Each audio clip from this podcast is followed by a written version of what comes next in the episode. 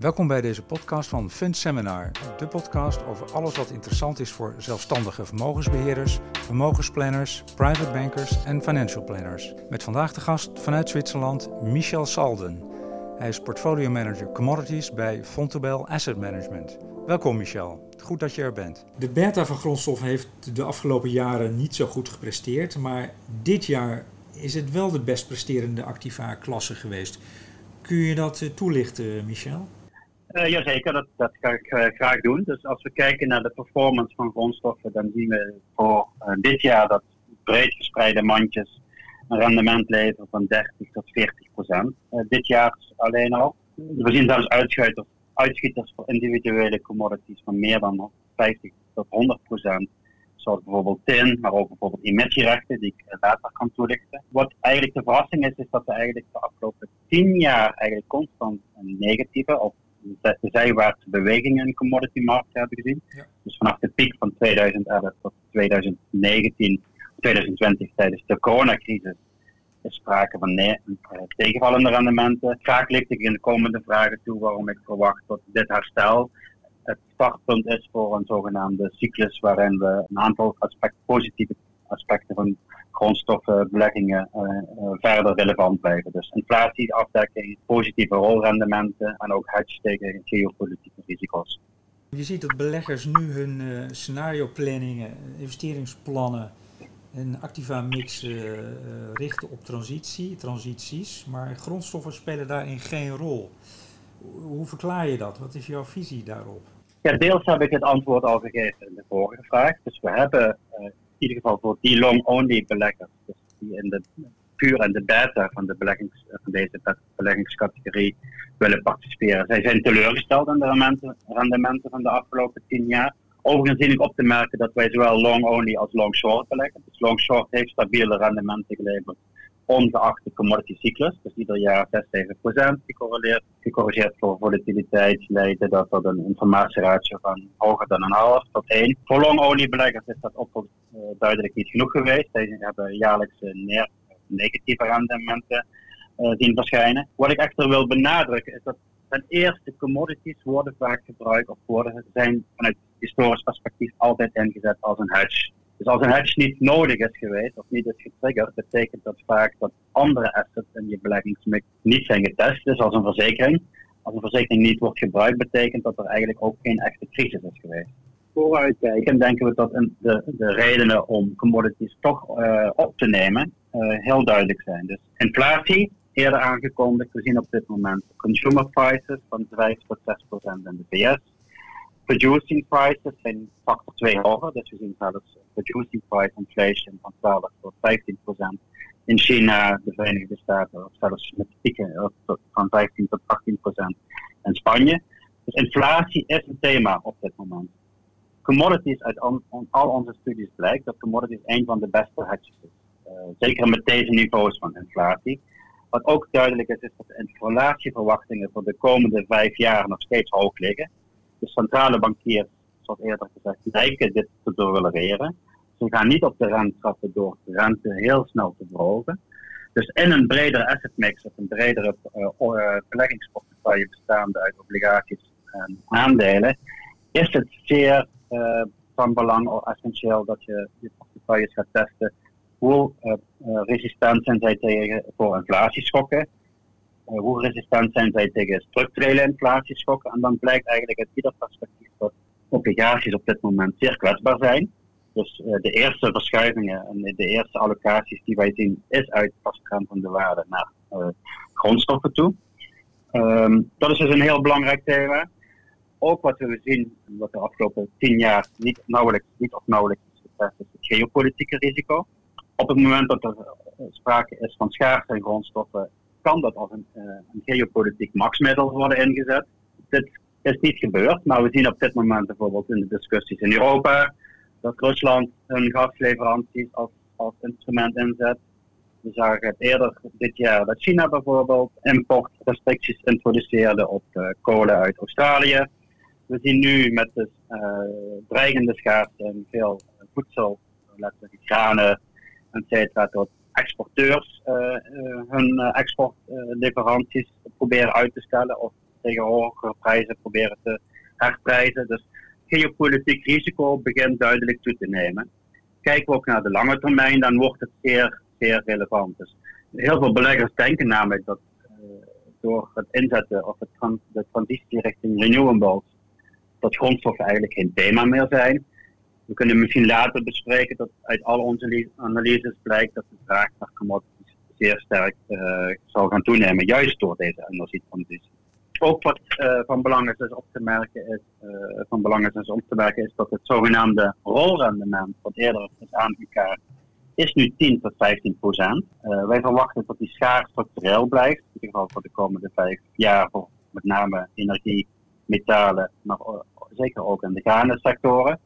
Dus een, een jaarlijks rolrendement van 5 tot 10 procent, daarmate interessant in combinatie met deze hedges of met deze hedge-karakteristieken dat commodities een plaats in de portefeuille verdienen. Er zou dus een periode kunnen aanbreken waarin er veel te weinig in fossiele brandstoffen wordt geïnvesteerd en er een tekort aan metalen ontstaat, hè, waardoor die overgang zou kunnen worden vertraagd of zelfs uh, onrendabel zou kunnen worden. Ja, dat is een heel, goede, heel, heel goed, uh, goed vraagstuk. En we zien eigenlijk nu al de fricties of de, transities, of, uh, de, de fricties en dilemma's die ontstaan bij de energietransitie. Wat, wat duidelijk is, is dat er wordt duidelijk een beleid gevoerd in Europa en ook met name vanuit verschillende investeringsinvalshoeken om CO2 heel hard te gaan reduceren. Dat, daar is iedereen over eens dat dat de weg is die we de komende 10, 20, 30 jaar moeten gaan volgen.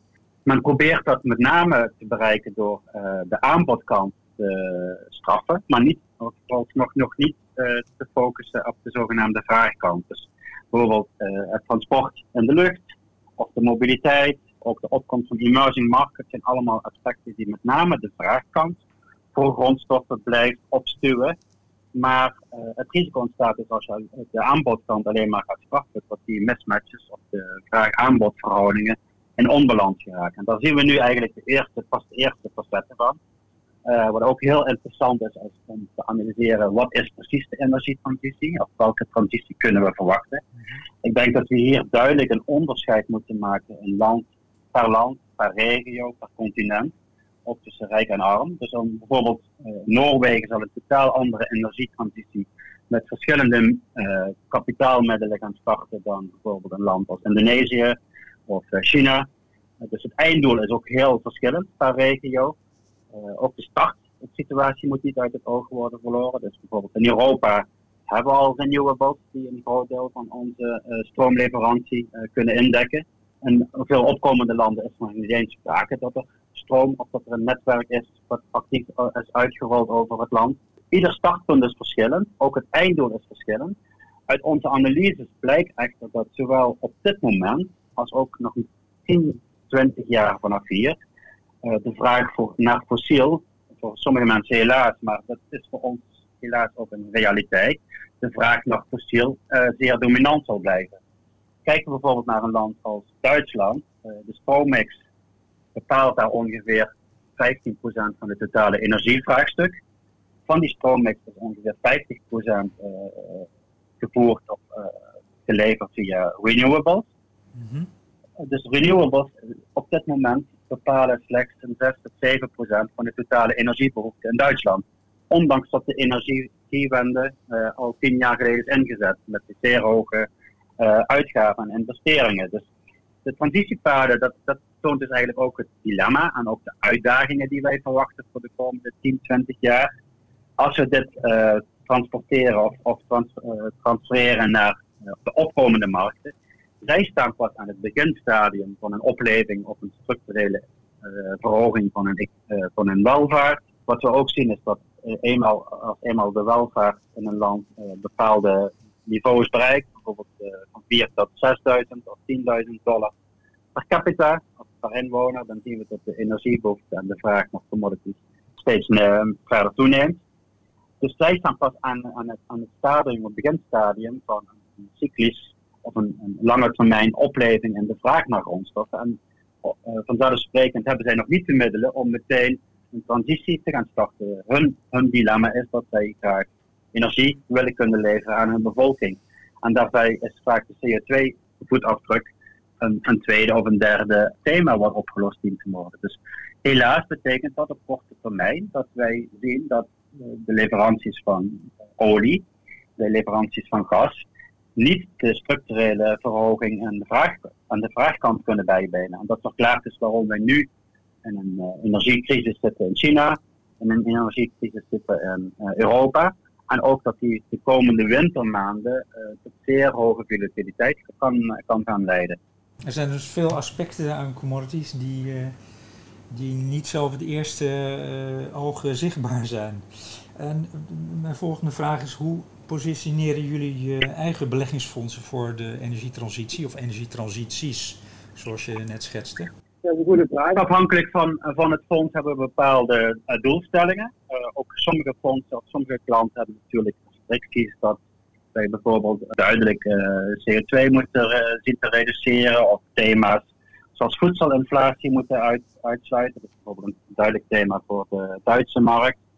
Uh, wat wij doen in onze fondsen is heel duidelijk kijken naar de krachtenveld, zowel top-down, dus naar die macrofactoren, uh, waarvan ik al aangaf die ook, deze ook voor de komende jaren zeer positief zijn. Dus dat betekent lage reële rentes, een opleving van uh, lange termijn groei, een opleving van de middenklasse en de opkomende markten. Dat zijn allemaal macro-economische variabelen die positief zijn voor grondstoffenmarkten kijken we vanuit de bottom-up perspectief, dus per commodity of per grondstof, uh, hoe vraag en aanbod in een balans kunnen geraken, dan zien wij op korte termijn dat het energievraagstuk niet is opgelost. Dus met name olie is op dit moment en gas. Uh, er is duidelijk sprake van underinvestments, of te lage investeringen om überhaupt goed de, huidige productiecapaciteit te kunnen handhaven. Dat betekent dus dat over de komende jaren zien wij eigenlijk zelfs de vraag naar olie versnellen.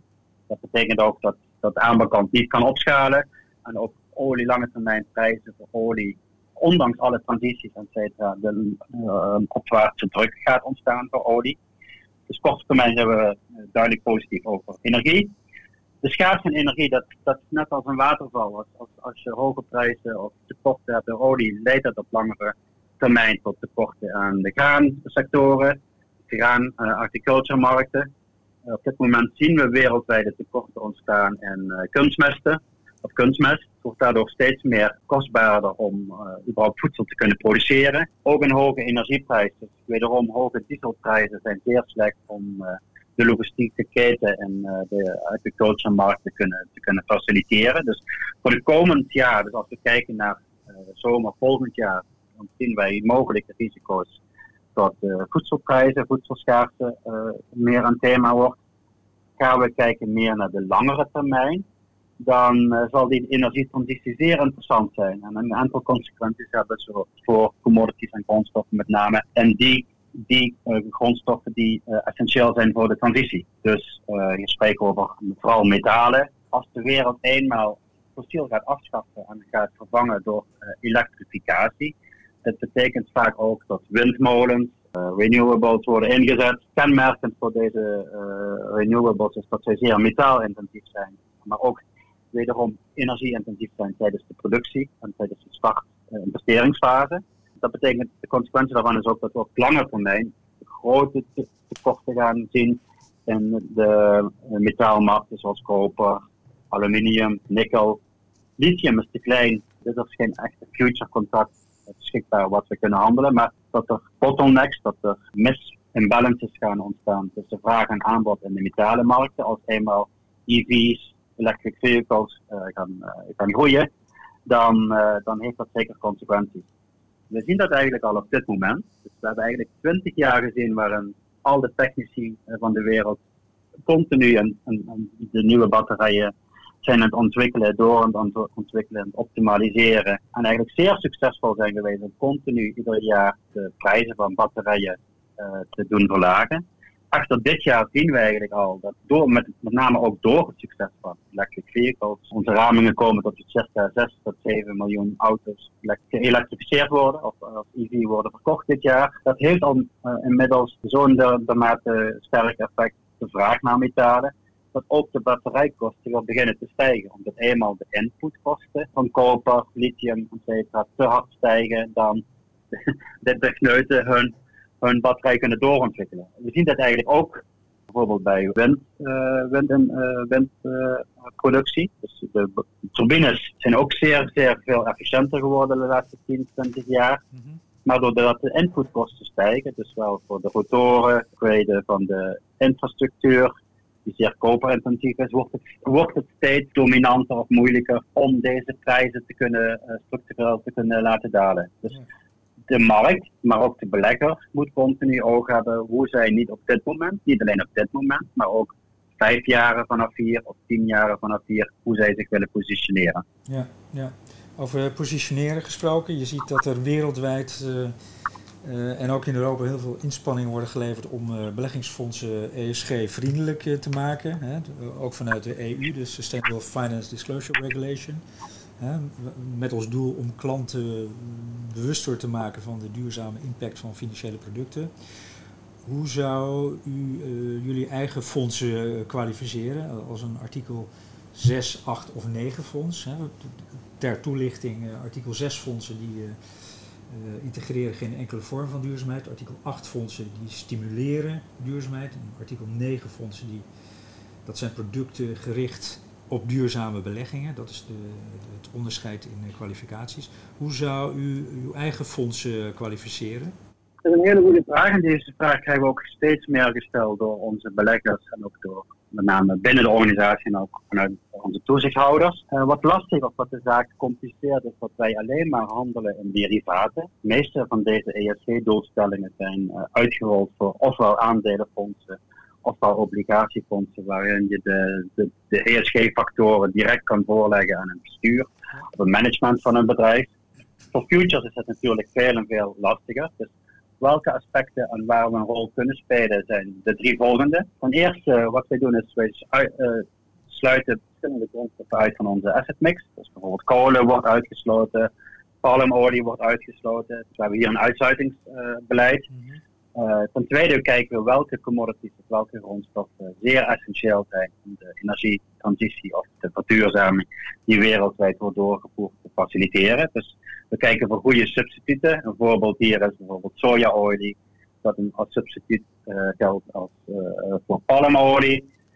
we zijn in een vroeg stadium altijd actief geweest en met beleggen in die metalen die belangrijk zijn om bijvoorbeeld de auto-industrie te verduurzamen. Dus bijvoorbeeld twee, twee, drie jaar geleden, toen Dieselgate optrad, was er een enorme vraag op een enorme opschaling in specificaties voor dieselkatalysoren. En ook later voor benzine uit katalysatoren. Dat leidde tot een toename in de vraag voor platina en palladium uh, als input. Daar waren wij eigenlijk al vroegtijdig in actief in deze markten. Zij behoren over een titel ons standaard beleggingsuniversum. Daarvoor zijn ze eigenlijk te klein. Maar wat wij doen is, wij door deze, deze futures te handelen, bieden wij liquiditeit aan de, de zogenaamde hedgers. Dat zijn met name dus de producenten of de consumenten die, van deze fysieke commodities. En daar, wordt het ook voor hun veel, malen, uh, veel meer aantrekkelijk om uh, substituties in hun uh, productieproces door te voeren. Dus A, we sluiten grondstoffen uit die wij als niet duurzaam kwalificeren. Dan voeren wij een beleid om die grondstoffen te overwegen waarin wij een duidelijke ESG-factor uh, onderkennen. Wat we vervolgens ook doen in onze portefeuille is, als wij beleggen in futures, betekent dat ook dat wij een zogenaamde onderpand moeten aanhouden. Mhm. de benchmark schrijft voor dat dat staatsobligaties zijn. De stap die wij hebben ondernomen is om deze staatsobligaties door groene bonds volledig te vervangen. En eigenlijk de derde stap, en eigenlijk dat is vrij, waar we eigenlijk ook al in het vroeg stadium uh, actief zijn geworden, is wat we ook hebben gedaan is voor onze futures mandjes, dus de portefeuilles die wij beheren, hebben wij uh, gedaan alsof zij op enig moment kunnen worden getransfereerd in fysieke commodities.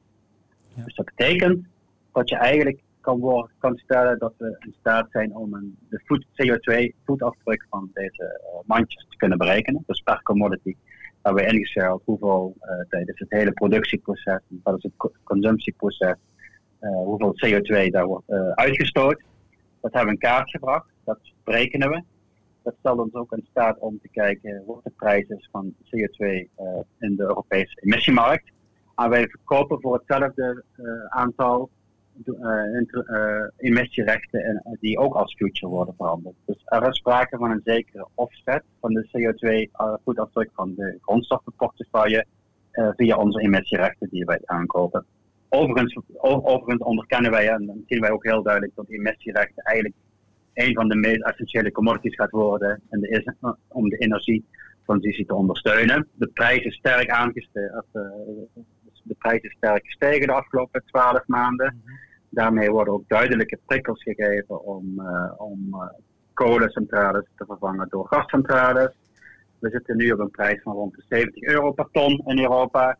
Daarmee wordt het ook steeds meer aantrekkelijk voor utilities, maar bijvoorbeeld ook voor cementproducenten om gascellen uit te gaan schalen en te gaan vervangen door renewables. En wat ook heel belangrijk is, is dat er steeds meer politieke kracht achter deze markt en, wordt ingezet om dit tot een succes te maken. Dus een van de goede ontwikkelingen op het recente COP26-event in Schotland was, is dat er eigenlijk steeds meer wordt gekeken hoe het succes van de Europese emissiemarkt kan worden uitgebreid en worden vertaald naar bijvoorbeeld de VS, maar ook naar Azië, waar deze emissiemarkten pas in uh, kinderschoenen staan. En eigenlijk een, een, een soort valse concurrentie introduceren. Dus het is goed dat er onderkend wordt dat deze markt globaal moet gaan. En daarmee ook gaat voorkomen dat bijvoorbeeld productie vanuit Europa gaat verschuiven naar productie naar de VS of, uh, of Azië. Ja, theoretische vraag, en dit is beslist geen beleggingsadvies. Als je je wilt positioneren voor de supercyclus van uh, grondstoffen, van commodities, zou je dan moeten beleggen in uh, impact aandelenfondsen of in grondstoffen futures? Wat, wat is jouw antwoord daarop? Dat is een hele goede vraag en dat, dat komt steeds meer naar voren in de discussies die wij zowel met klanten hebben als ook intern met onze impact- en ESG-teams. Mm -hmm. heeft ook een aantal specialistische teams die zich al positioneren voor Next Energy, ook voor renewables en cetera. Uh, de discussies, en dit is meer als zoals zelf aanzeggen, een theoretische vraag, is het of-of of is het en-en? Uh, uit de discussies die wij intern en ook de debatten die wij intern voeren, is heel duidelijk dat het een en-en-markt uh, aan het worden is. Dus als we bijvoorbeeld kijken naar de, de transitie, daarvoor blijven grondstoffen zeer belangrijk. Dat betekent ook dat bijvoorbeeld als we kijken naar de huidige prijzen, bijvoorbeeld in de metaalmarkt, dat deze nog te laag zijn om investeringen uit te lokken. Dus de producenten zijn vaak zeer terughoudend en hebben nog geen incentive. Dat betekent ook dat zij voor een, een, een cyclus staan waarin ze de komende jaren op een gegeven moment enorme investeringen moeten gaan doen. En zo'n uh, omgeving is het dus aantrekkelijker om direct future aan te houden en niet zozeer een mijnbouwproducent. Gaan we kijken naar puur renewables companies of impact companies die zich echt positioneren voor de energietransitie op 10, 15 jaar, dan zien we eigenlijk dat daar uh, al hoge verwachtingen zijn ingeprijsd. Uh, dat betekent in feite dat een uh, winstgevendheid pas over 5, 10 jaar gaat, enorm gaat stijgen. De neveneffect daarvan is, is, dat ze steeds meer handelen als een soort tech company. Mhm. in die zin dat de rentegevoeligheid en zelfs ook inflatieschokken gedreven door de huidige commodity mix een weerslag kan hebben op, op, op deze renewable company. Dus anderzijds kan ook worden gesteld, ons mandje van liquide contracten is relatief, of is, is zeer breed. Maar de commodities die in de toekomst zeer bepalend zullen zijn, bijvoorbeeld lithium, uh, kobalt, daar zijn de futuresmarkten eigenlijk nog totaal onderontwikkeld. Dus het is zeer lastig om via deze markten te, te positioneren voor prijsstijgingen. Dus het is ook veel beter om dan in, in, in zo'n geval direct te beleggen in een bedrijf of een onderneming. Dus uh, de cycli die we gaan zien, en dat, dat is ook heel belangrijk, de cycli die we gaan zien de komende tien jaar, het lijkt één rechtlijnig pad naar de naar uh, volledige uh, renewables markten over 10, 20 jaar te zijn. Uh, laat duidelijk zijn dat, dat het zal geen rechtlijnig pad zijn. Vele schokken zullen optreden. Ook kapitaalstromen zullen uit grondstoffen naar renewables en vice versa gaan optreden. Dus idealiter combineer je beide aspecten in een, een breder fonds. Zeker omdat er nog veel onduidelijkheid bestaat over de snelheid, het eindpad aan de eventuele bottlenecks op, op, op deze weg naar de transitie. Ja, volgens mijn informatie uh, zijn pensioenfondsen uh, huiverig uh, om in commodities te gaan. Ik heb het idee dat sommige pensioenfondsen zelfs commodities volledig verbieden. Wat zijn uw gedachten hierover? Het is een moeilijke vraag. Dus ik snap heel duidelijk dat pensioenfondsen vanuit een achterban volledig gaan inzetten op verduurzaming. Het thema wat ik echter uh, wat misschien onderbelicht is, dat zij ook een inflatiedekking of een reëel rendement moeten aanbieden aan, aan deze uh, pensioendeelnemers. En daar kunnen tijdelijk conflicten gaan ontstaan. Dus als we kijken naar de huidige commodity of de grondstoffenmix, dan zien we dat, dat nog steeds energie een bepalende factor is voor de inflatie op dit moment. Als ik al, zoals ik al eerder aangaf, renewable companies, waarin nu volledig op wordt ingezet, zij representeren eigenlijk de energiemix over 10, 5 tot 10 jaar. Dus eigenlijk ook het inflatiemandje over 5 tot 10 jaar. Dus uh, de thema's die ik eerder besprak, die blijven van toepassing. En ik ben zeer benieuwd hoe uh, pensioenfondsen hier een invulling aan gaan geven. Maar inflatiekarakteristieken uh, blijven dominant. Centrale banken blijven inzetten op waarschijnlijk een reële rente die te lang te laag zal blijven. Dat kan leiden tot de, voor de obligatieportefeuilles. Uh, dus vanuit, vanuit het type van naar rendement gaat kijken, kan dat een zeker spanningsveld gaan introduceren tussen enerzijds verduurzaming en anderzijds reëel rende, ja, het aanbieden van een reëel, reëel lange termijn rendement. De luisteraars van deze podcast zijn uh, over het algemeen vermogensplanners, financial planners, zelfstandige vermogensbeheerders, financieel adviseurs en kleinere private banks en, wellicht ook grotere private banks. Zij adviseren en of beleggen daadwerkelijk voor hun klanten, vermogende en uh, beleggende particulieren.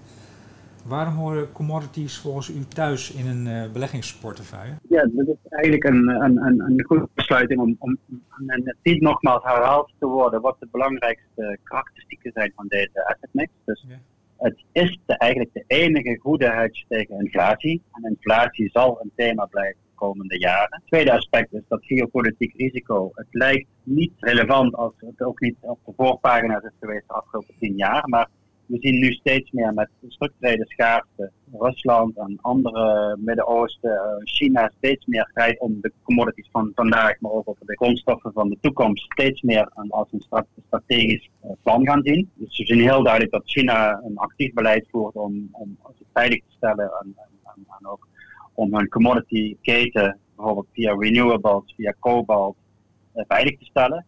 We hebben recent ook gezien als China besluit dat zij smeltingcapaciteit of bijvoorbeeld energietransitie gaan afremmen door minder kolen te gaan verbruiken, dat, dat, dat, ze dat de consequentie daarvan is dat zij niet meer gaan exporteren of minder metalen gaan exporteren naar de rest van de wereld. Dus ook logistieke ketens komen steeds meer onder druk te staan. En dan eigenlijk ook de laatste bepalende factor Dus we zien, zijn nu in een fase van de commodity, de grondstoffencyclus beland, waar rolrendementen of backwardation zo, zo positief is, meer dan 5 tot 10 procent per jaar. Uh, in een omgeving waar obligaties nul couponnen aanbieden, uh, is een, rol, uh, ja, een premie van 10% rolrendement per jaar in combinatie met inflatiebestendigheid een zeer aantrekkelijke propositie. Hartelijk dank, Michel Salde, portfolio manager commodities van Fontebel Asset Management.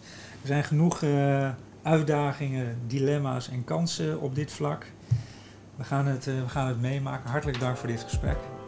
Dankjewel. U heeft geluisterd naar de podcast van Fund Seminar met vandaag als gast Michel Salden, portfolio manager commodities bij Fontebel Asset Management. Dank voor het luisteren en graag tot ziens.